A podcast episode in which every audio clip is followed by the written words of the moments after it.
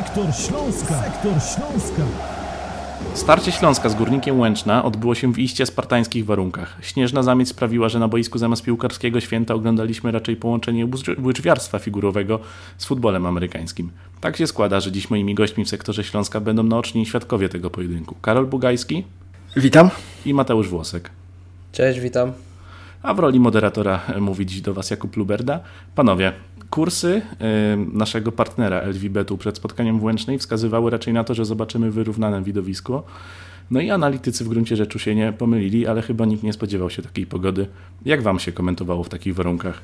No, warunki, które zdecydowanie były takim dosyć e, oryginalnym przeżyciem. Ciekawa sytuacja, bo mamy rocznicę meczu Śląska Wrocław z Wisłą Kraków, które był rozgrywany w dokładnie identycznych warunkach w poprzednim sezonie. Wydawało nam się wtedy, że coś takiego szybko się nie powtórzy, no ale to były warunki, które zupełnie wypaczały sens rywalizacji. Można się zastanawiać, czy ten mecz powinien zostać rozegrany. Byliśmy w Łęcznej mniej więcej od godziny 16, mecz rozpoczynał się dwie godziny później. Na początku to wcale nie wyglądało tak groźnie, nie zapowiadało się na taką śnieżycę. To, to to, to był jakiś deszczyk, deszcz ze śniegiem, natomiast z każdą minutą sprawy wyglądały coraz bardziej niepokojąco, no i kiedy na murawie pojawili się już panowie z łopatami, pojawił się traktorek do wyrysowywania linii, no to nabraliśmy sporych wątpliwości, czy to będzie piłka śnieżna, czy piłka nożna. Okazało się niestety, że to pierwsze. No i to też utrudnia nam ocenę tego spotkania, którą, o którą tutaj chcemy się pokusić na pewno. No rzeczywiście, to była taka istna podróż przez dwa wymiary, mam wrażenie, bo we Wrocławiu jeszcze jak wyjeżdżaliśmy z samego rana, e, ulewa, deszcz e, praktycznie przez cały dzień, natomiast już później w Łęcznej te opady śniegu, bardzo fite opady śniegu, które jeszcze towarzyszyły przez całe spotkanie nam. Tak naprawdę jeszcze ten, ten śnieg zawiewał e, praktycznie na nas, później jeszcze pod, pod dachem, pod trybuną, także te warunki były naprawdę ekstremalne, myślę, że troszkę porównywalne, jeśli chodzi chodzi o bezbramkowe starcie y, Śląska w Mielcu, które dobrze pamiętacie, bo byliście y, w Mielcu i komentowaliście ten mecz, chociaż rzeczywiście temperatura była wczoraj y, troszkę lepsza, natomiast rzeczywiście te warunki, to co powiedział Karol, troszkę no, wypaczały jakby mm, całe te spotkanie, no bo mówił o tym też trener Kiereś na pomeczowej konferencji, że on podczas swojej trenerskiej przygody nie zdarzyło mu się po prostu w takich warunkach grać jego zespołowi. Trener Magiera mówił, że nie mogliśmy zrealizować swojego celu w postaci grania, grania podaniami, grania po ziemi, tego co chcieliśmy grać, natomiast e, no, posłużę się tutaj tym banałem, których wczoraj w komentarzu padało dużo, e, czyli to, że te warunki były, mm, były takie same dla obu zespołów i, i myślę, że, że ten wynik, który na koniec, e, na koniec obejrzeliśmy, czyli 1-1, to był wynik jednak sprawiedliwy pomimo tej, pomimo tej nietrafionej setki picha pod koniec. Także Także myślę, że myślę, że ogólnie ten mecz, e, ten mecz e, sprawiedliwie rozstrzygnięty i, i patrzymy to, co się stanie e, za tydzień. Mm, a wróćmy jeszcze na chwilę do takich zakulisowych bardziej historii, bo, bo, bo z tego co słyszałem, no to w Łęcznej organizacja nie była top. Był problem z, z tym, żeby dziennikarze po meczu mogli chociażby sobie spokojnie popracować, coś spisać, coś zrobić. Ta konferencja pomeczowa też no powiedzieć, że się odbyła, to chyba drobne nadużycie, no ale to wy powiecie chyba na ten temat trochę więcej. No ja wychodzę z założenia, że konferencja prasowa to odbywa się z dziennikarzami, natomiast jeżeli dziennikarzy nie ma, jeżeli otrzymujemy sygnał wideo czy, czy sygnał audio, tak jak było w piątek w Łęcznej, no to, no to nie jest to konferencja prasowa, to są wystąpienia trenerów, pytania odczytywane przez rzecznika prasowego yy, i znaleźliśmy się nagle w jakiejś znowu zupełnie dziwnej rzeczywistości. Można powiedzieć, że organizacja Stal Mielec, bo chyba tylko w Stali Mielec i w Górniku Łęcznej w ten sposób cały czas e, podchodzą do tematu konferencji prasowych ktoś powie w dobie pandemii, no ostatnio słyszałem, że mamy początek końca pandemii, a wracamy do sytuacji z poprzedniego sezonu, kiedy jeszcze szczepienia raczkowały albo w ogóle ich nie było. E, dziennikarze w Łęcznej znaleźli się w takiej samej sytuacji jak w sezonie 2021, zamknięte biuro prasowe, tak naprawdę nie wiem nawet jakie to miejsce dla dziennikarzy jest przeznaczone, bo, bo nie mogliśmy tam zajrzeć, nie mogliśmy się nawet do niego zbliżyć pewnie, bo, bo ochroniarze na każdym kroku strzegący miejsca do dostępu do, do tych miejsc miejsc, jak rozumiem. E, konferencja prasowa to w ogóle zostało zastrzeżone w mailu e, dotyczącym naszych akredytacji, który przyszedł przed tym spotkaniem e, w trakcie tygodnia.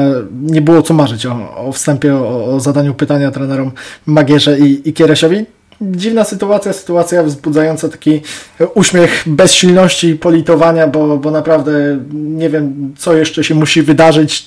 Nie wiem, może jakaś kolejna, kolejna dawka jest takim limitem, żeby, żeby w Łęcznej wróciła normalność, natomiast no, przy, przywitał nas stadion Beniaminka Ekstraklasy warunkami, których się chyba nie spodziewaliśmy, co jest tym bardziej kuriozalne, że dzień wcześniej ty Kuba miałeś okazję uczestniczyć w konferencji prasowej z trenerem Magierą przy Oporowskiej. E, nie wiem, czy miałeś jakieś nieprzyjemności zdrowotne później w kolejnych dniach w związku z tym, natomiast no w Łęcznej nas, nas postanowiono ochronić przed, przed spotkaniem twarzą w twarz z trenerami.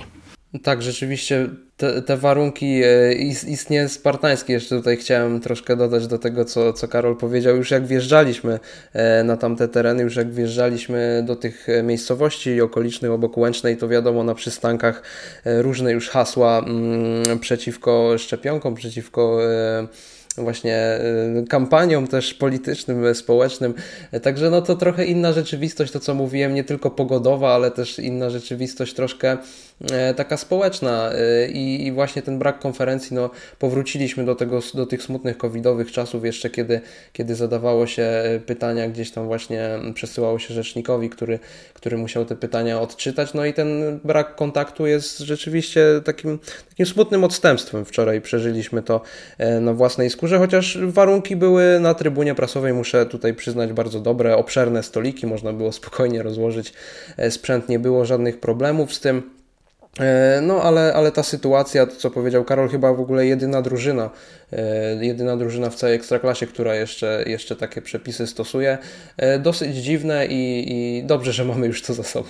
No jest to tym bardziej ciekawe, że tydzień temu byliśmy przecież w Gdańsku razem z Karolem, gdzie ta organizacja na zupełnie innym poziomie stała. Tam też jakby COVID nie zniknął oczywiście. Te obostrzenia były naprawdę mocno, mocno jakby to powiedzieć, egzekwowane. E, By... Znaczy Gdańsk pokazał, myślę, taki poziom e, tego, jak powinniśmy funkcjonować w tej dobie pandemii, kiedy ta pandemia cały czas jest, natomiast ona się oficjalnie nie skończyła. No, myślę, że jednak tak powinniśmy do tego podchodzić.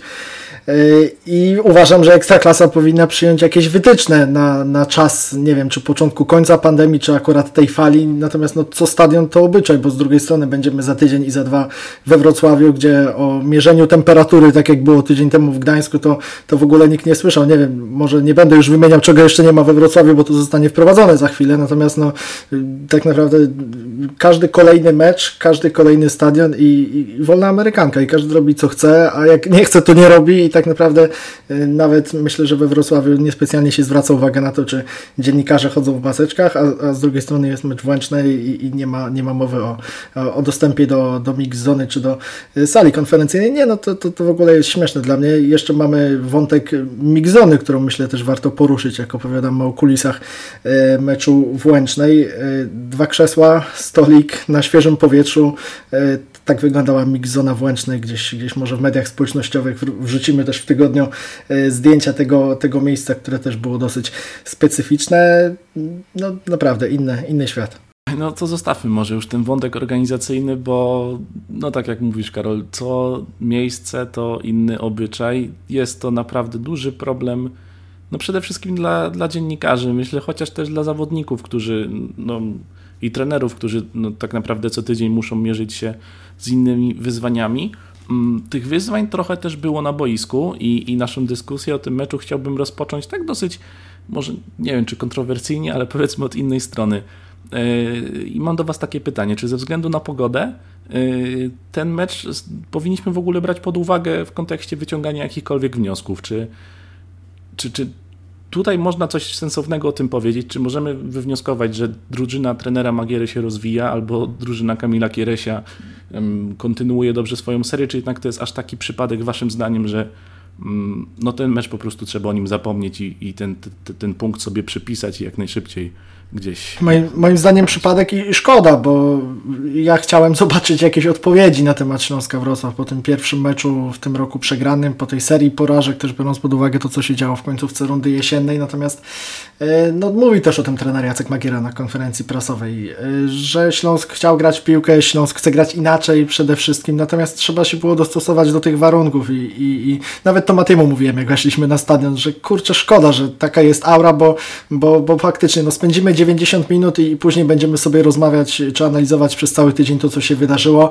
A tak naprawdę trzeba ten mecz wziąć w nawias i, i, i spodziewać się czegoś zupełnie innego za tydzień, a czego to nie wiadomo, bo, bo niestety Śląsk po tym meczu pozostawił to, co na pewno pozostawił, to takie poczucie niepewności i, i tak naprawdę żadnych, żadnych konkretnych wskazówek na przyszłość, niestety. Ja myślę w ogóle, że możemy wyciągać wnioski, jeśli chodzi o to, kto, kto lepiej laguje w pole karne albo kto, kto lepszą długą piłkę da gdzieś tam właśnie w okolice, w okolice szesnastki rywala, bo rzeczywiście takich zagrań było naprawdę multum i ta, gra po ziemi była niemożliwa. Zawodnicy od początku w ogóle ślizgali się, no po prostu to wyglądało jak jeździectwo figurowe. No mamy igrzyska teraz. Yy, łyżwiarstwo figurowe, przepraszam bardzo. Mamy Igrzyska Olimpijskie, także akurat wpasowali się piłkarze e, troszkę do tej aury mm, właśnie zimowej.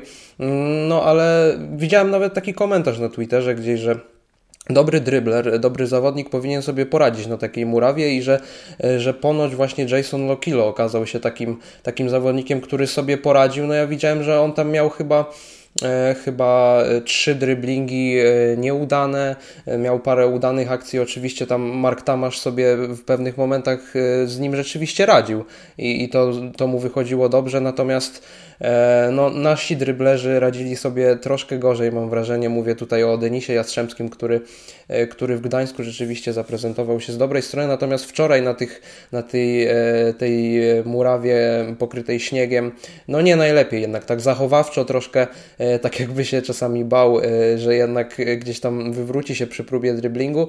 Było widać to w niektórych zachowaniach.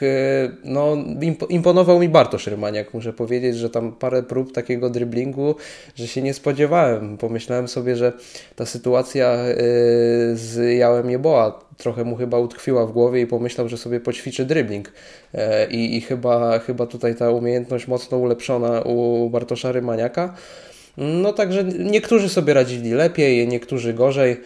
No, wynik, e, wynik remisowy, więc, e, więc... Mówisz, Mati, o tych driblingach Rymaniaka, ale ja myślę, że dribbling Adriana Łyszczarza, w ogóle ta jego akcja, to jest też najlepszy obrazek tego, jaki przypadek po prostu był decydujący w tym meczu w. Ja mam szacunek do umiejętności i sympatię do Adriana Łyszczarza, bo, bo on naprawdę daje Śląskowi dużo i, i, można powiedzieć, że jego nazwisko jest synonimem e, Jokera w tym sezonie, bo o tym świadczą po prostu liczby. Natomiast wydaje mi się, że gdyby ta murawa nie była taka, taka mokra, taka zaśnieżona, to, to jednak ta akcja, kiedy miał obok siebie dwóch zawodników Górnika Łęczna, kiedy dał radę tam na wyciągniętej nodze e, zagrać do niego Robert Pich, nie przyszłaby mu z taką łatwością, bo, bo, bo takie mam poczucie oglądając e, gdzieś już na spokojnie na powtórkach tę akcję, że e, Adrian Łyszczarz no, zrobił to w taki sposób, jaki pewnie na, na normalnej zielonej murawie gdzieś w wakacje, a nie w połowie lutego w takich warunkach Łęcznej byłaby trudniejsza do wykonania wiedzieliśmy od początku sezonu, czy od awansu Górnika Łęczna, że ten wyjazd y, będzie wyzwaniem. Ściskaliśmy kciuki nieprzypadkowo w barażach za GKS Tychy z punktu widzenia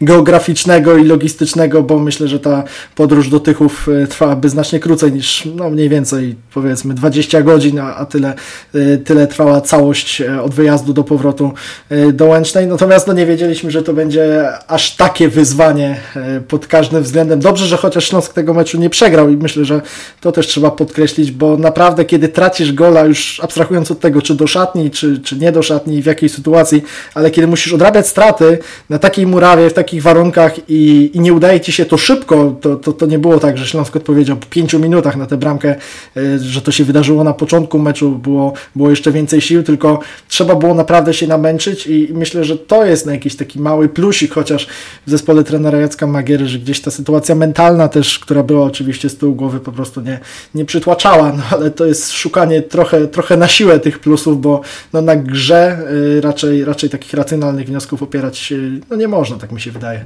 No ja mam wrażenie, że ta mentalność została w pewien sposób pokazana, no bo jednak Śląsk stracił najpierw gola, potem trzeba było wynik gonić.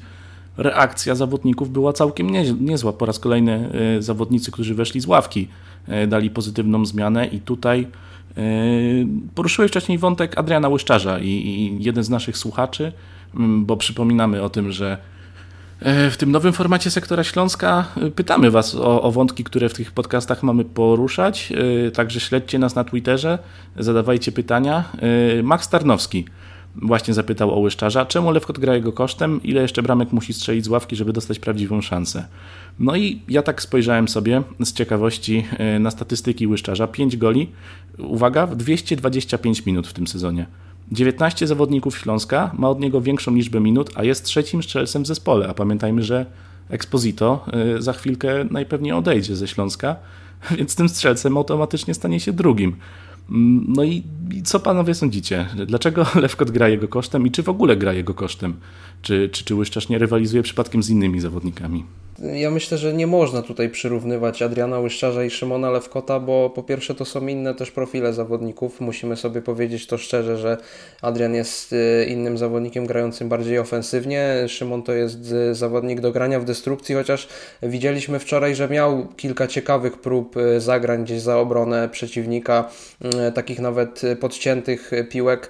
Bardzo, bardzo kreatywnie wczoraj się zachowywał i też nie rozumiem troszkę, troszkę tej fali hejtu, która gdzieś tam znowu znowu wypłynęła, no ale mam wrażenie, że e, tak jak mówiliście w poprzednim podcaście, że e, tak Lew, Lewkot się stał takim kozłem ofiarnym e, tutaj części Twittera i w ogóle mm, nie, nie rozumiem tego, że, że nie doceniamy jego niektórych walorów, które wczoraj zaprezentował i które mam wrażenie zaprocentowały na tych trudnych warunkach, na tej trudnej murawie, natomiast jeśli chodzi jeszcze o, o Adriana Łyszczarza, no to to jest jedyny taki rezerwowy w ogóle w całej lidze, który jest tak efektywnym zawodnikiem zawodnikiem, no strzela praktycznie bramkę raz na 50 minut, możemy tak zaokrąglić, także nie ma drugiego takiego zawodnika w całej lidze i to trzeba jak najbardziej wykorzystywać. Zresztą Adrian wczoraj w wypowiedzi dla klubowej strony mówił, że, że jemu to pasuje, że znaczy nie, że mu pasuje, ale że, że on jest jakby na każde wezwanie trenera. Skoro trener twierdzi, że lepiej dać mu szansę z ławki, no to on pokornie,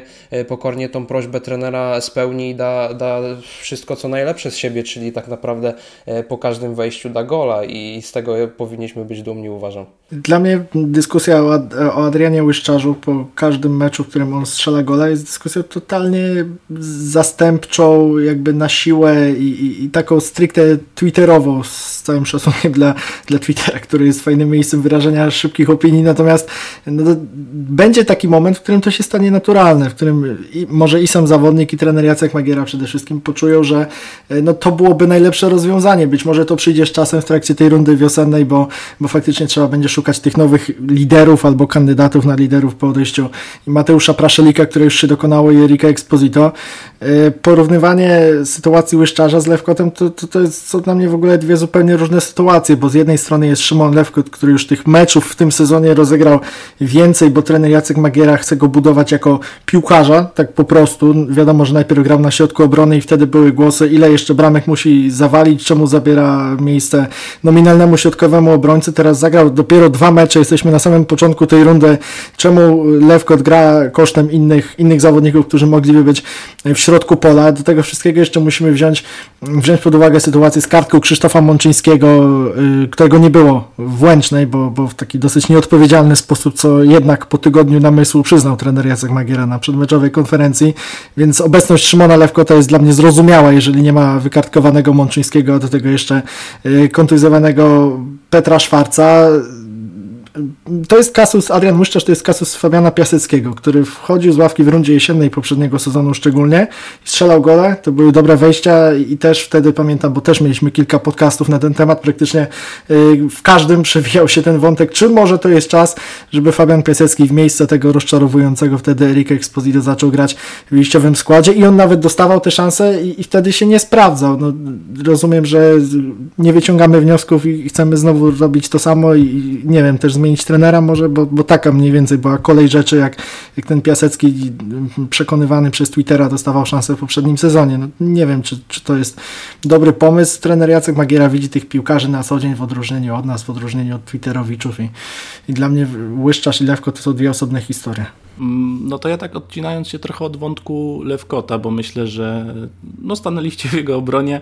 Y, jego sam występ stanął moim zdaniem w jego obronie, bo, bo zagrał wręcz solidnie, ale skupiając się tylko na łyszczarzu, mm, no to dla mnie trochę zastanawiający jest ten przypadek, bo jednak 225 minut to jest po prostu no, bardzo, bardzo mało czasu, żeby pokazać się, się z jakiejś y, większej strony. Tymczasem Łyszczarz wykorzystuje ten czas perfekcyjny. No, 5 goli to jest No kurczę, gdyby każdy z naszych zawodników co 45 minut strzelał gola, no to naprawdę bylibyśmy w zupełnie innym miejscu niż jesteśmy teraz.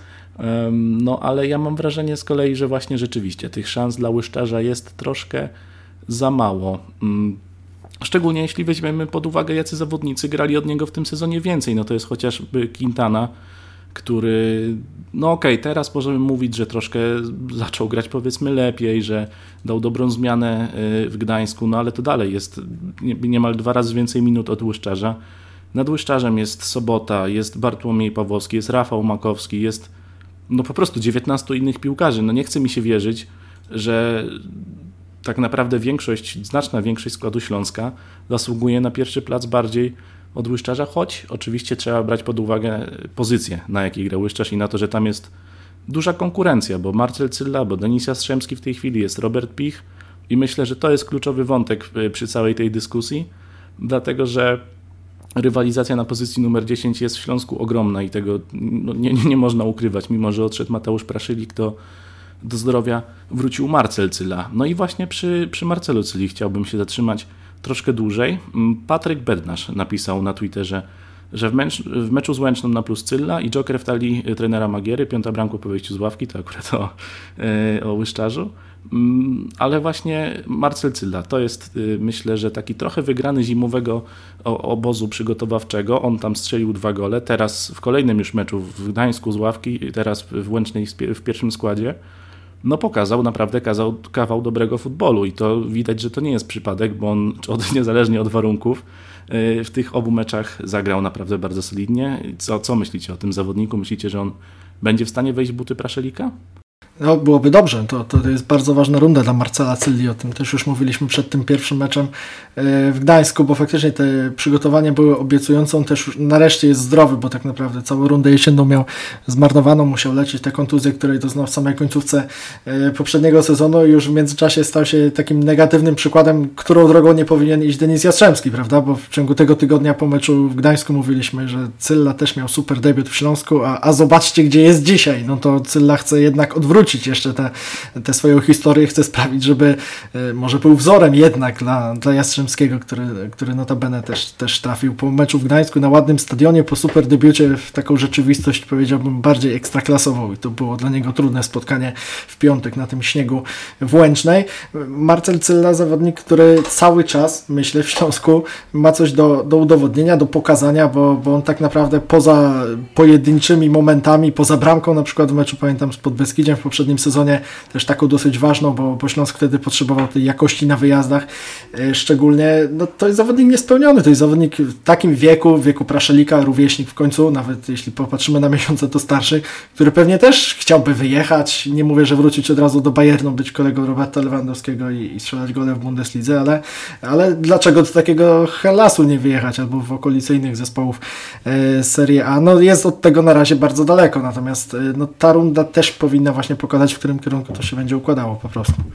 To jest na pewno takie kojące dla kibica Śląska, jak widzi grę Marcela Cyli, który gdzieś tam próbuje właśnie e, zapchać tą dziurę po, po Mateuszu Praszeliku i po tym dobrym jeszcze obozie właśnie przygotowawczym e, w Turcji. No też nie wiemy, jak to by się wszystko potoczyło, gdyby nie ta dosyć poważna e, kontuzja przed ostatnim ligowym meczem tamtego sezonu ze Stalą. Marcela Cyli musiał pauzować bardzo długo mm, ten zawodnik, natomiast wczoraj bardzo, bardzo, bardzo dobry występ i też aż 6 oddanych strzałów w ogóle to jest, e, to jest kosmos, jeśli chodzi o tą statystykę. W ogóle Śląsk oddał wiele strzałów, musimy sobie to w końcu podkreślić, bo chyba 20, ponad 20 strzałów e, Śląska, e, także w tym 8 celnych, także tutaj rzeczywiście ofensywnie, ofensywnie ukontentowali nas zawodnicy trenera Magiery, że tak powiem, w końcu widzieliśmy, widzieliśmy coś też z przodu.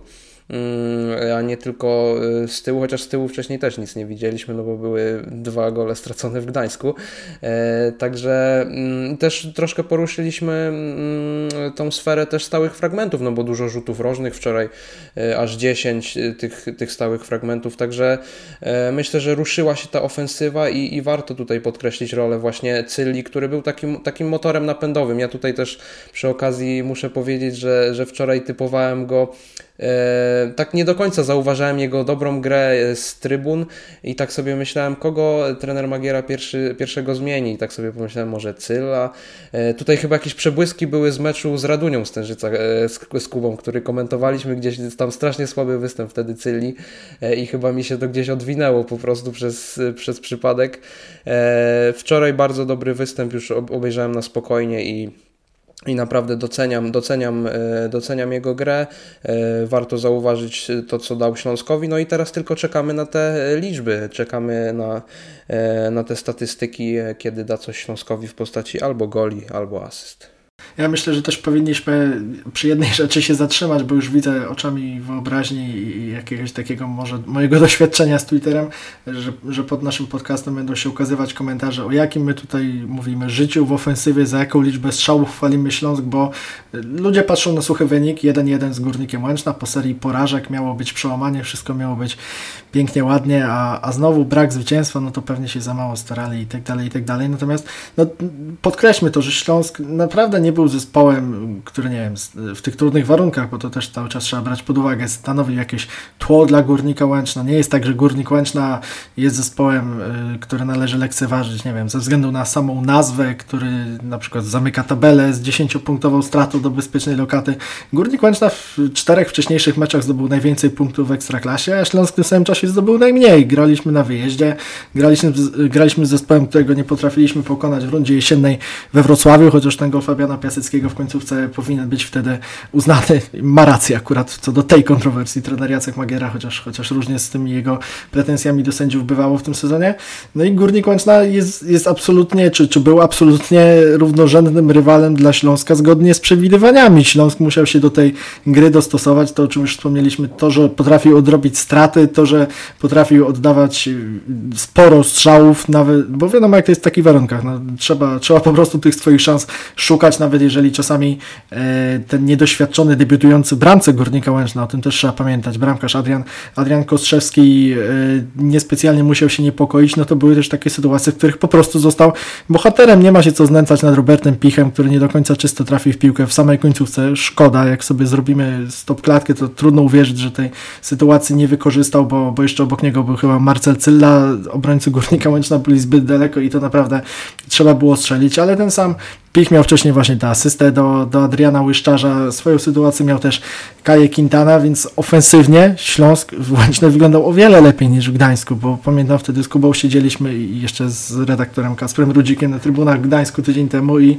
no tak naprawdę przecieraliśmy oczy ze zdumienia, że jak nie ten Jastrzębski, no tam jeszcze słupek Quintany, to, to naprawdę no Fabian Piasecki przeszedł, przeszedł obok, obok meczu, chociaż on i w Łęcznej też specjalnie dobrze nie wygląda, natomiast właśnie tym promykiem nadziei jest jest fakt, że pojawiają się kolejni, że pojawiają się ci, którzy chcą brać odpowiedzialność za, za te sytuacje w ofensywie, to, to, to nie jest tak, że jeśli Śląsk ktoś strzela, to to się rodzi z jakiegoś przypadku. Ale w ogóle ciekawy wątek, Karol, poruszyłeś, mam wrażenie, na który mało osób zwraca uwagę, czyli y, taki mianowicie właśnie wątek, że to był mecz też bramkarzy, mam wrażenie, wczoraj, bo dużo interwencji, dużo kluczowych interwencji. No, Kostrzewski e, w końcówce, e, te, ta obrona strzału Picha, no naprawdę fenomenalnie. Wcześniej jeszcze e, Michał Szromnik przecież ratował wielokrotnie Śląsk, chociażby tą podwójną interwencją po tych strzałach Banaszaka. Także bramkarze wczoraj w tych warunkach, no mieli dobre warunki, trzeba sobie powiedzieć, no, żeby, żeby ratować zespół, chociaż wiadomo, że taka piłka taka piłka lecąca po murawie ze śniegiem, no to ona wytraci trochę impetu, ale, ale różne rzeczy lubi, lubi płatać figla też y, i bramkarze sobie z tym doskonale poradzili. No wiadomo, że ekstraklasowy debiut dla, dla takiego chłopaka, jakim jest Kostrzewski, no to też była, było wielkie wydarzenie, a tak naprawdę wybronił, wybronił te punkty Górnikowi Łęczna i tutaj trzeba docenić postawę nie tylko Michała Szromnika, ale właśnie Kostrzewskiego. E, naprawdę Polska bramkarzami stoi. Też kiedyś jakieś dyskusje się pojawiały że e, może Michała Szromnika właśnie do, do kadry. Wiadomo, że mamy, mamy dużo tych, e, dużo bramkarzy też w całej Europie, we Włoszech, Drągowskiego i tak dalej, ale, ale mamy też zawodników w Ekstraklasie. Mamy e, chociażby Majchrowicza, solidnych, naprawdę solidnych bramkarzy, na których też powinniśmy zwracać uwagę. Ja myślę, że to generalnie sprowadza się do konkluzji, że to był dobry mecz. No, 14 celnych strzałów, jeszcze sobie teraz tak patrzę w te statystyki. Mogło być gorzej. Naprawdę w tych warunkach mogło być gorzej. Tutaj już wspomnieliście o meczu w Mielcu sprzed roku, to jakby tam było 14 celnych strzałów, to albo nie wiem, połowa z tego, to naprawdę byśmy się z Kubą nie nudzili. Natomiast myślę, że, że było takich dobrych okazji zdecydowanie mniej i nie, nieprzypadkowo się to skończyło wynikiem 0 do 0. W Łęcznej mogło się skończyć wynikiem remisowym wyższym niż 1-1, albo po prostu ktoś przechyliłby szale na swoją stronę, jak, jak właśnie Śląsk miał tę szansę Roberta Picha w samej końcówce i tego się nie spodziewałem do końca. Pamiętam też, mówiliśmy sobie chyba nawet na początku transmisji, że to może być mecz, yy, który będzie zakończony wynikiem 1 do 0, w którym jeden błąd na przykład w samej końcówce o czymś zadecyduje, utrata koncentracji już po, po takim prawie 90-minutowym wysiłku. Natomiast to był gol przed przerwą, był gol w końcówce, kolejne szanse yy, obu zespołów, bo, bo Śląsk na pewno, na pewno z Górnikiem Łęczna yy, miał z jednej strony trudne zadanie, Górnik Łęczna też, też znowu przekonał się, że utrzymanie prowadzenia wcale nie jest taką, taką prostą sprawą, bo to się mu zdarzyło już w drugim tegorocznym meczu z Wartą w poprzedniej kolejce w samej końcówce, teraz trochę wcześniej. No i ta, ta druga żółta kartka dla Crispina Szcześniaka, która myślę też była takim punktem zwrotnym w tym meczu, która sprawiła, że ten ostatni kwadrans zobowiązywał Śląska do, do, do pewnej, pewnego życia w ofensywie i, i nawet też padło w naszym komentarzu, że jeżeli teraz nic, nic tam się nie zacznie dziać ciekawszego pod bramką Kostrzewskiego z takim natężeniem, z większą częstotliwością, to to już będzie naprawdę niepokojące, a zaczęło się dziać. No, Górnik Łęczna tak naprawdę po tej drugiej żółtej kartce skupił się tylko na defensywie. Szkoda, że Śląsk nie był skuteczniejszy. No ale, ale naprawdę, no, wynik 1 do 1 na stadionie Górnika Łęczna, który nie jest przypadkowym zespołem, tylko najlepszym w czterech ostatnich kolejkach, to, to nie, nie jest dla mnie żaden problem. No, Śląsk nie, nie, nie walczy o europejskie puchary, Śląsk walczy o utrzymanie, bo taka jest sytuacja w tabeli. Dobrze, że Górnik Łęczna się do nas nie zbliża, tylko, tylko gdzieś tam ten status quo punktowy jest zachowany. Ja mam do Was takie jeszcze pytanie, bo nagrywamy ten podcast w, w, w, w sobotę. Y, przed y, naszym nagraniem odbył się mecz Stali Mielec z Wisłą Kraków, gdzie Stal zwyciężyła 1 do 0. Spojrzałem sobie w tabelę no i tak miałem małą zagwostkę, nie ukrywam, bo nie wiedziałem, czy cieszyć się z tego, że nasz rywal w walce o utrzymanie, czyli Wisła Kraków, nie zdobył żadnych punktów, czy martwić się tym, że, że Stal Mielec mm, ucieka i, i punktuje. No i waszym zdaniem, o co gra Śląsk do końca sezonu? Czy, czy w ogóle o cokolwiek gra? Czy to już jest sezon całkowicie spisany na straty? Znaczy, moim zdaniem to nie jest sezon spisany na straty o tyle, że, że liczy się kolejny. On jest y, nie do uratowania w, do końca maja, do 34 kolejki w sensie europejskich pucharów czy podium, bo no, nie wiem, gdzie miałby być Śląsk między zespołami pokroju Lecha, Rakowa czy Pogoni, które potrafią rozstrzygać mecze w ciągu jednej połowy, czy, czy po prostu punktować z zdecydowanie większą regularnością. Śląsk ma do tej pory 6 zwycięstwa, a Lech czy Raków wygrywają po raz 13, 12 w, w tej kolejce, więc to, to, to w ogóle nie, nie jest nasze towarzystwo. Śląsk nie spadnie, no, bądźmy poważni. Śląsk nie spadał w sytuacjach, w których po chyba trzech kolejkach rundy finałowej, pamiętam w 2019 roku, y, miał 3 czy 4 punkty straty do, do bezpiecznej lokaty i był ten mecz z Wisłą w Krakowie w deszczu zremisowany, po którym się wszystko odwróciło pod wodzą trenera Lawiczki. Teraz ta sytuacja tak, tak zła nie jest i, i nie będzie tak zła na pewno, bo, bo Śląsk ma, powiedziałbym, mocne mocne, mocnych kandydatów, mocne plecy do, do, do, do degradacji w postaci Warty, Brookbetu, Górnika Łęczna, Zagłębia, Wisła Kraków też w tym meczu ze Stalą zgłosiła akcję. Zobaczymy jak Piast. Obawiam się, że Piast może zapunktować w następnej kolejce, bo gra ze Śląskiem, który w takich meczach na styku często potrafi sobie krzywdę robić. Natomiast no, trzeba budować w kontekście przyszłego sezonu, trzeba budować, a, a nie hejtować takiego Szymona Lewkota. Yy, trzeba może sprawdzać z większą odwagą, jeśli mówię, przyjdzie ten moment Adriana Łyszczarza, może im bliżej końca sezonu, budować Kaję Quintanę, budować Fabiana Piaseckiego, szukać nowych rozwiązań. Ważne, żeby tego czasu nie roztrwonić właśnie, żeby on nie był stracony, ale, ale w kontekście przyszłego sezonu, bo, bo teraz możemy, możemy sobie mówić, że te mecze będą bardziej czy mniej ciekawe, ale no walczymy. Max, no tak patrzę w tabelę, Max to miejsce chyba szóste, bo między piątą Lechią a Górnikiem Zabrze Stalą jest mniej więcej taka różnica, a a, a, a za plecy też można się oglądać w sensie humorystycznym, myślę, po tym meczu z Górnikiem Łęczna. Śląsk jest, mam wrażenie, tak teraz zawieszony w takiej ligowej próżni, powiedziałbym, bo ani właśnie mamy tutaj, jak wszyscy siedzimy, mamy nadzieję, no wiadomo, nie spadniemy. Natomiast też nie, nie dogonimy tej czołówki. To jest taka, taka próżnia. Znajdujemy się gdzieś w połowie tabeli i, i to, co już Karol powie, powiedzieliście też, że po prostu musimy budować też zespół już na kolejny sezon, bo zostaliśmy mocno osłabieni, to trzeba podkreślić. Bardzo dobrze, że budujemy młodych zawodników, że sprowadzamy zawodników, którzy pograli troszkę za granicą w mocniejszych klubach. E, to jest, to jest myślę ten dobry kierunek, żebyśmy szli właśnie tą drogą i budowali sobie młodych zawodników, którzy powinni być zapleczem, no i jeszcze wspierali to wszystko oczywiście doświadczonymi zawodnikami. To co zawsze trener Magiera mówił, że, że to musi być ten miks e, osobowości, miks personaliów. E, natomiast ten sezon trzeba spokojnie dograć do końca. Ja pamiętam też przewidywania jeszcze przed rundą wiosenną, rozmawialiśmy z różnymi ekspertami i tak dalej i wszyscy wszyscy typowali gdzieś piąte, szóste miejsce. No te piąte, szóste miejsce to w tym momencie jest e, jakiś święty gral dla, dla kibiców Śląska. E, który, po który raczej nie, nie sięgniemy i trzeba się też z tym pogodzić, że kibice muszą sobie po prostu uświadomić, gdzie jest teraz e, nasze miejsce i, i to, że budujemy podwaliny pod e, te fundamenty, że budujemy fundamenty pod, pod taką no, dużą budowę, co by tu nie mówić. Ta drużyna jest ciągle w jakimś procesie przemiany, procesie, procesie budowania. No i myślę, że, że to jest ważne, żeby po tym, po tym dobrym rzeczywiście początku, żeby żeby teraz pokazać, e, że, że ten kryzys został przezwyciężony, bo złapanie serii zwycięstw to jest jeszcze, jeszcze duży krok, mam wrażenie, e, na który, na który powinniśmy się zdecydować w kolejnych spotkaniach, chociaż będzie o to bardzo ciężko, bo terminarz też nie rozpieszcza, będą, będą derby, będzie też Radomiak u siebie, będzie Legia w tym niecodziennym terminie w poniedziałek. Wiemy, jak, jak Legia teraz gra. E, także po prostu trzeba, trzeba patrzeć, jak to będzie wyglądać do końca sezonu i, i wtedy wyciągać wnioski. Znaczy ja też rozumiem podejście kibiców i zaskoczenie kibiców, bo sam też się na tym trochę łapię.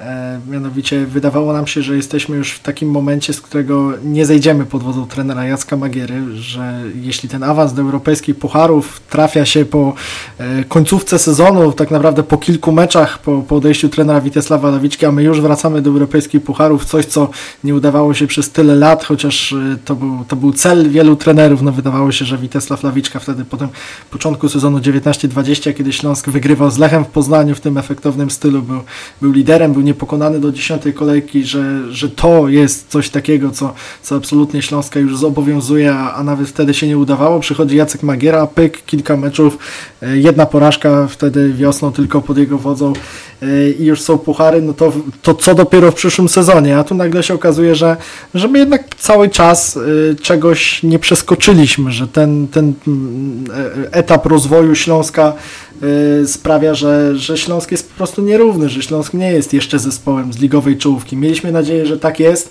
ale tak nie jest. Jesteśmy w momencie takim samym jak w ostatnich latach. Europejskie puchary e, były przypadkiem. Jest to pewna drastyczna e, dysproporcja, bo, bo jedziemy w lutym do Łęcznej i tak naprawdę drżymy, czy uda nam się uratować remis, czy notujemy serię czterech ligowych zwycięstw, mając jeszcze cały czas na świeżo e, Parnawę, dwóch rywali wyeliminowanych w kwalifikacjach Ligi Konferencji Europy, później wygraną nawet w pierwszym meczu z HPL-em mimo odpadnięcia, natomiast no y, było, było fajnie, ale no, czas się obudzić. No, to, to, to nie jest tak, że to jest już miejsce Śląska. Chcielibyśmy, żeby tak było, myśleliśmy, że tak już jest. Tak może być w przyszłości pod wodzą trenera Jacka Magiery, bo to nie jest, Boże, jakiś w ogóle czas na, na dyskusję o zmianie szkoleniowca, czy o, o myślenie o tym, bo no, to, to, to by było najgorsze rozwiązanie i wtedy już bym nie mówił z taką pewnością, że, że nie spadniemy, bo, bo, bo nie, ma, nie ma co y, sięgać po rozwiązania absurdalne. Natomiast y, no, musimy uzbroić się po prostu w cierpliwość. No, taki, tak, taka jest tak garbata dola śląska od lat, że, że jesteśmy raz bardziej zadowoleni, raz mniej, suma szczęścia później, później jest taka jak to miejsce w tabeli teraz, więc nie, nie dzieje się ani nic zaskakującego, ani nic złego, ani nic grożącego, nie wiem, większą, większą katastrofą niż granie przez kilka lat z rzędu w grupie spadkowej, co już też przeżyliśmy, no i jakby świat się nie zawalił, puchary wcześniej czy później wróciły. Myślę, że, że, że takie, takie konsekwentne ufanie trenerowi Jackowi Magierze jest, jest dobrym rozwiązaniem. Ja jeszcze tylko chciałem szybko nawiązać do tego, co powiedział Karol, bo wczoraj w transmisji, pamiętam, użyłem takiego określenia jak iluzja, jeśli chodzi o grę Śląska.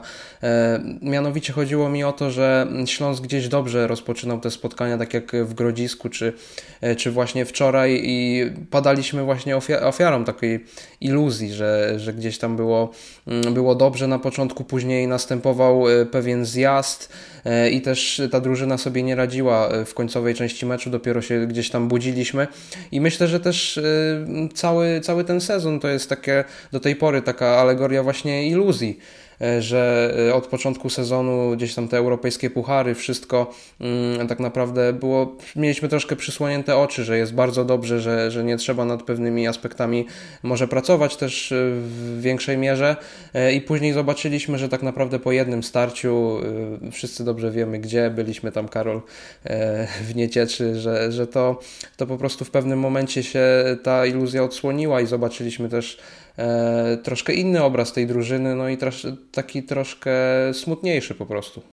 Chociaż to ta dyskusja o Niecieczy też jest ciekawa swoją drogą. Myślę, że przy tym możemy się zatrzymać, bo o tym też mówił prezes Śląska Piotr Waśniewski w rozmowie z Krzysztofem Banasikiem, naszym redaktorem naczelnym w zimie. Nagrywaliśmy tę rozmowę przy okazji naszego live'a charytatywnego, że właśnie od tego meczu w Niecieczy wszystko się zmieniło, że gdyby tam ta bramka Rick Exposito została uznana na, na 2 do 0, właśnie bramka, o której trener Jacek Magiera lubi mawiać, że została nieuznana niesłusznie, ona została nieuznana w sposób kontrowersyjny i wzbudzający emocje, ale jednak w zgodzie z przepisami, y, że, że gdyby wtedy było 2 do 0, to, to by wszystko się działo inaczej. No ja przypomnę, że przed meczem w Niecieczy było owszem, to niezrozumiałe już dzisiaj z tego punktu widzenia kolejnych wyników 5 do 0 z Wisłą Krakowie, ale wcześniej było 1-2 z Rakowem u siebie i było 0-4 z Lechem w Poznaniu. Ja, ja nie mam poczucia, że, że od meczu w Niecieczy się zaczęło to wszystko. Jeśli chodzi o wyniki, to tak, natomiast jeśli chodzi o takie taką mniejszą pewność siebie, nie chcę powiedzieć, że zwątpienie, ale, ale taki brak, brak poczucia komfortu w wykonaniu piłkarzy Śląska, to, to, to chyba jednak ten mecz w Poznaniu, później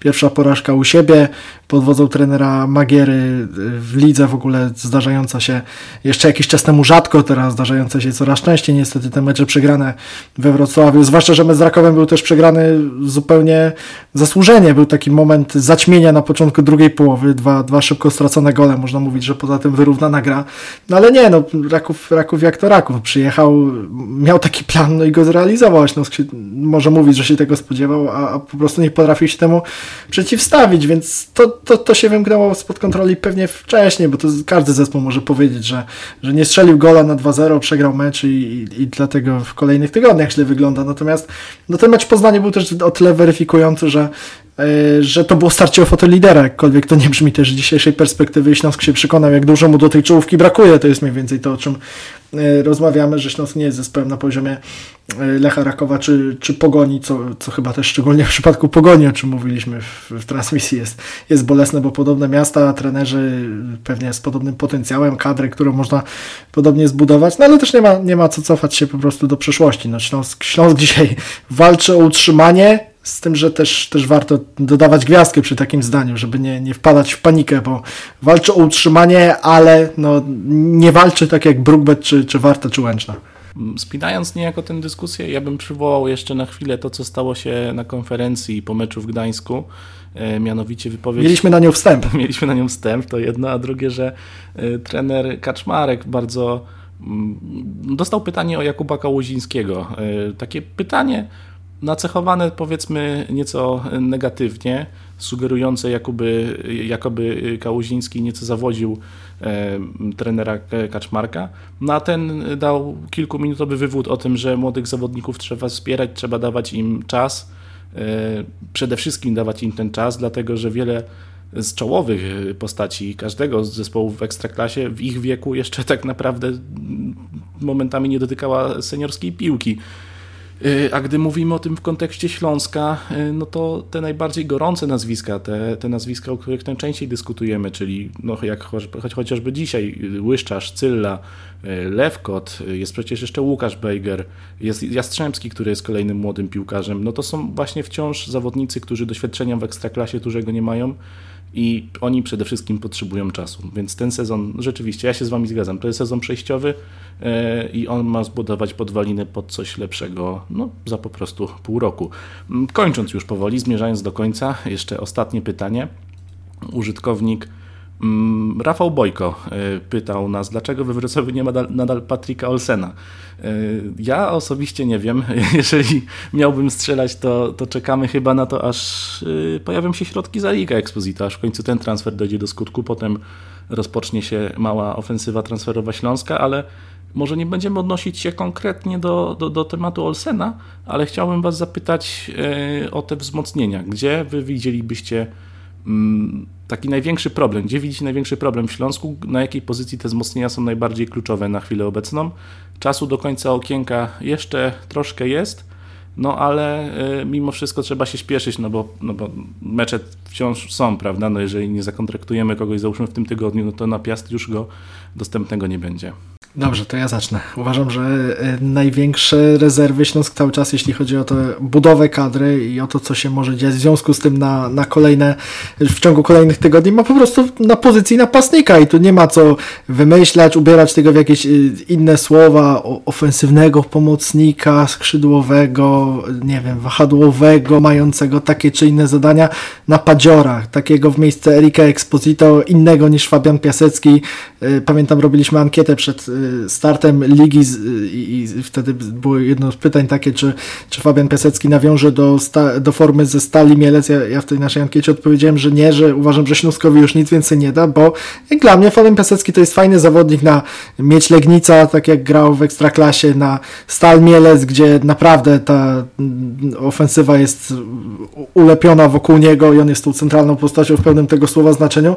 Natomiast nie na Śląsk, to już raz się o tym przekonaliśmy. Nie skreślam jeszcze Kaję Quintany, natomiast uważam, że Śląsk, korzystając też z tych środków y, finansowych, które, które może mieć za, za Rikę Exposito, które ma za Mateusza Praszelika, czy, czy nie wiem, czy on jest na zeszyt wypożyczony z obowiązkiem wykupu, jak, jak to w praktyce tam będzie wyglądało. Natomiast no Śląskowi brakuje takiego zawodnika, egzekutora, który y, wszedłby w skali 1 do 1 w buty Erika Exposito, który, y, na którego można by było liczyć. Tak naprawdę my możemy dzisiaj chwalić Marcela Cylle za to, że on oddał sporo strzałów, ok, to, to był dobry występ w tym meczu w Łęcznej, natomiast w Gdańsku to był Jastrzębski.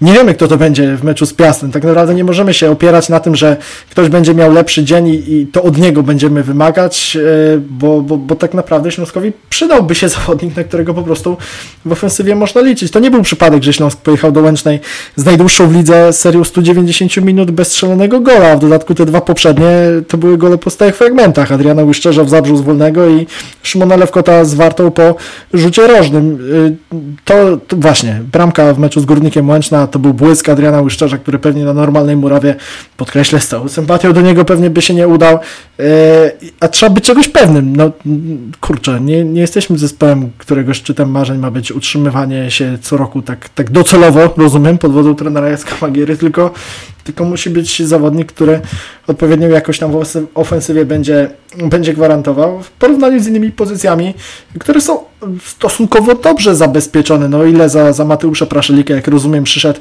e, Jastrzębski, o ile w defensywie czy, czy, czy w środku pola można sobie było nawet e, pozwolić na odejście Rafała Makowskiego, który akurat w obecnej obecności Mączyńskiego i, i Szwarca by się włącznie myślę przydał, czy na środku obrony, czy generalnie jeśli chodzi o, o skład defensywy tutaj tutaj wszystko jest zabezpieczone, no to, to razi mnie trochę to, że my w, w kwestii tego wysuniętego napastnika mamy, mamy pewne kłopoty. Tak, Karol tutaj świadomie albo nieświadomie chyba wykre wykreował też tytuł tego podcastu, czyli Śląsk potrzebuje napadziora.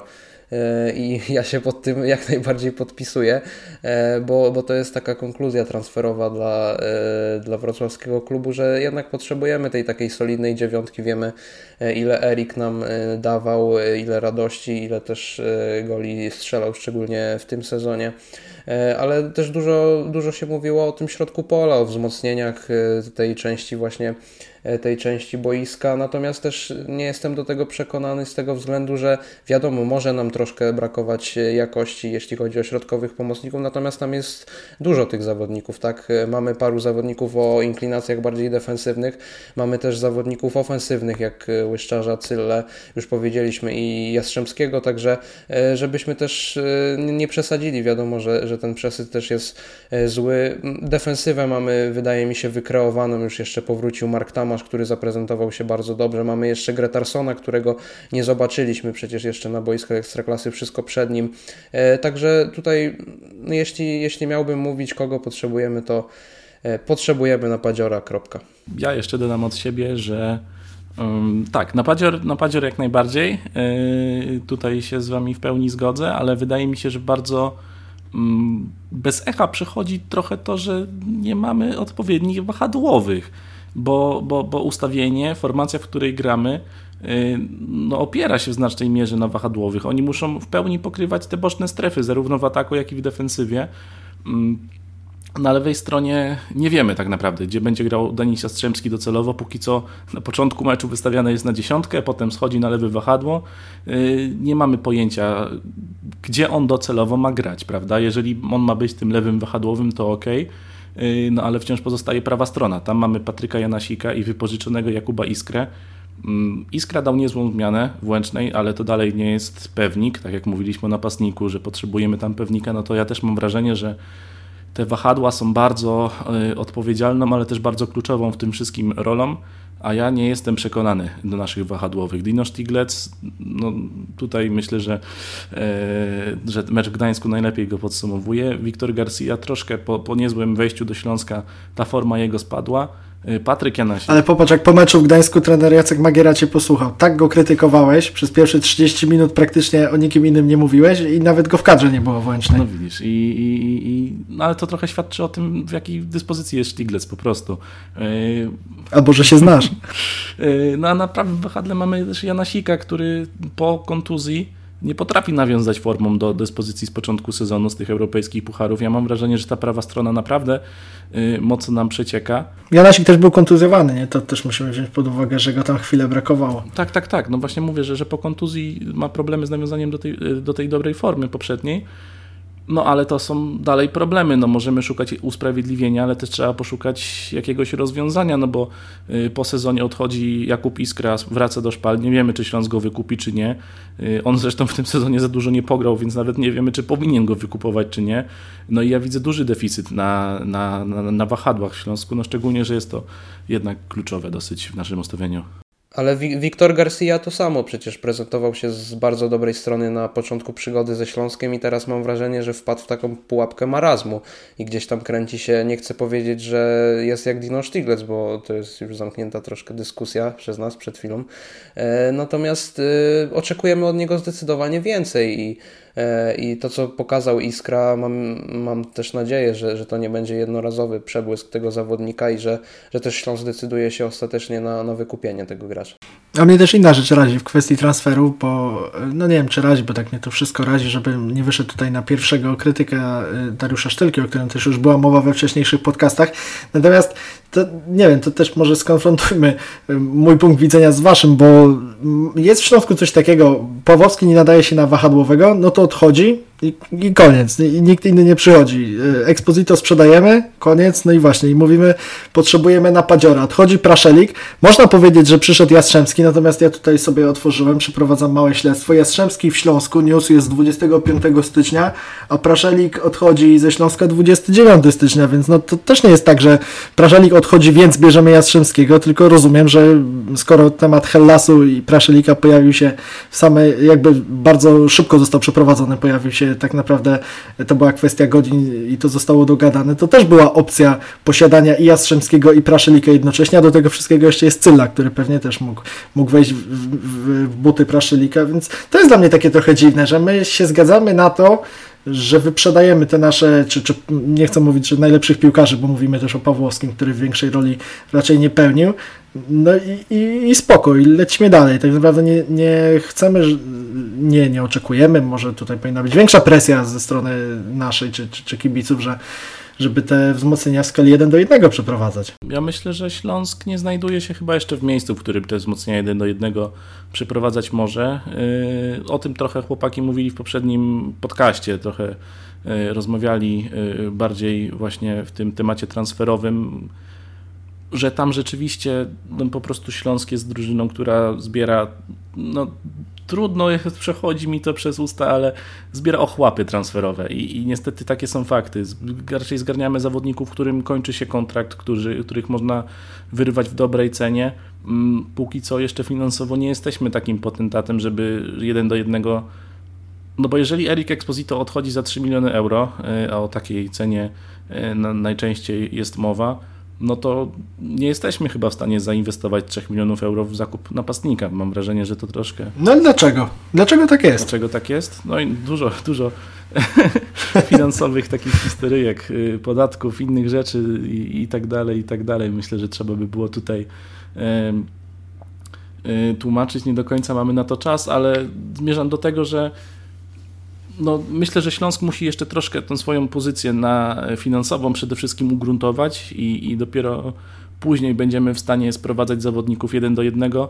Y, to pokazuje nam Raków, to pokazuje nam Pogoń, która Pogoń chociażby sprzedaje y, Kozłowskiego za 10 milionów euro. Ok, oni sprowadzają kogoś powiedzmy w jego miejsce, ale to, są, to jest sprowadzenie za cenę niemal dziesięciokrotnie mniejszą i jeżeli my zaczniemy sprzedawać aż tak drogo zawodników, to będziemy mogli sobie ich zastąpiać. Jasne, tylko właśnie zastanawiam się, bo Śląsk nie bierze nikogo z drugiej strony, zastanawiam się jaka, jaka jest ta filozofia budowania klubu i znowu o tej Pogoni można powiedzieć, której poświęciliśmy kilka zdań w trakcie transmisji, dlaczego Pogoń może być zespołem, który, czy klubem, który wydaje się, że jednak szedł pewną drogą takiego systematycznego rozwoju od awansu do ekstraklasy, który zdarzył się wcale nie, nie, nie tak znowu znacznie później niż Śląskowi, bo Śląskowi w 2008, a Pogoni w 2012 roku, więc to nie jest jakaś duża różnica i widzimy jak konsekwentna praca jednego trenera w podobnym mieście, z kadrą, która można, którą można podobnie budować, ze stadionem, który dopiero teraz zaczyna wyglądać jak stadion klubu z ekstraklasy, ile, ile taka, taka cierpliwość też i po prostu pomysł na, na budowanie tego wszystkiego może dawać. No to, to, to nie są przykłady, które dają optymizm kibicom Śląska na pewno, bo, bo chcielibyśmy mieć, mieć po prostu taką, taką powtarzalność, ale to jeszcze nie jest to. No myślę, że odpowiedzią jest czas, że, że, że ten czas jest tak naprawdę kluczową kwestią w tym wszystkim, bo jednak yy, no w Pogoni ten projekt był budowany od dawna. My w Śląsku projekt budujemy, ja mam wrażenie, od niecałego roku, może nieco ponad roku. Ale ten... No tylko wiesz, wcześniej był projekt trenera Lawiczki. Przychodzi trener, Pracował w Australii, mistrz Australii, e, zaprzyjaźniony z kangurami, znający większą piłkę niż ta, którą mamy w Polsce. E, trener z nazwiskiem, pracujący wcześniej tam chyba w młodzieżówce tak, czeskiej e, na, na Mistrzostwach Europy, które też się odbywały w Polsce. Po prostu top. Będzie trener top. Przy, wszyscy mówili, będzie Zibi top, a, a okazało się po, po jakimś czasie, że ten projekt się kończy. E, nie wiem, czy za wcześnie, bo to już znowu wracamy do, do tej dyskusji sprzed roku. Natomiast kurczę, no jest, jest, jest coś dziwnego w tym, że trener idź, może prawda już tak się czepiam tej pogoni, ale od 2017 roku ilu trenerów było w Śląsku w tym czasie? No i tak i nie, bo jednak jeżeli przypomnimy sobie dlaczego, powody, dla których y, trener Lawiczka rozstał się ze Śląskiem Wrocław, no to tam narracja szła taka, że on nie realizował wizji klubu. I myślę, że, że to jest klucz tego problemu, bo y, trener Lawiczka nie był tym, którym miał być. Może, może, może tak to powiem. Będziemy zmierzać do końca, będziemy już powoli kończyć. Dzisiaj moimi gośćmi był Karol Bugajski. Dziękuję. I Mateusz Włosek. Dzięki, trzymajcie się. Padajcie oczywiście na naszą stronę, gdzie, gdzie wiele interesujących materiałów. Zachęcamy również do sprawdzenia oferty naszego partnera LVBet, e, gdzie znajdziecie e, na pewno coś interesującego dla siebie. Możecie postawić mecze Śląska, ale nie tylko, bo te Śląska do obstawiania są dosyć ryzykowne. No i co? Widzimy się e, już niebawem we Wrocławiu na meczu z Piastem. Hej Śląsk! To jest Sektor Śląska. Sektor Śląska.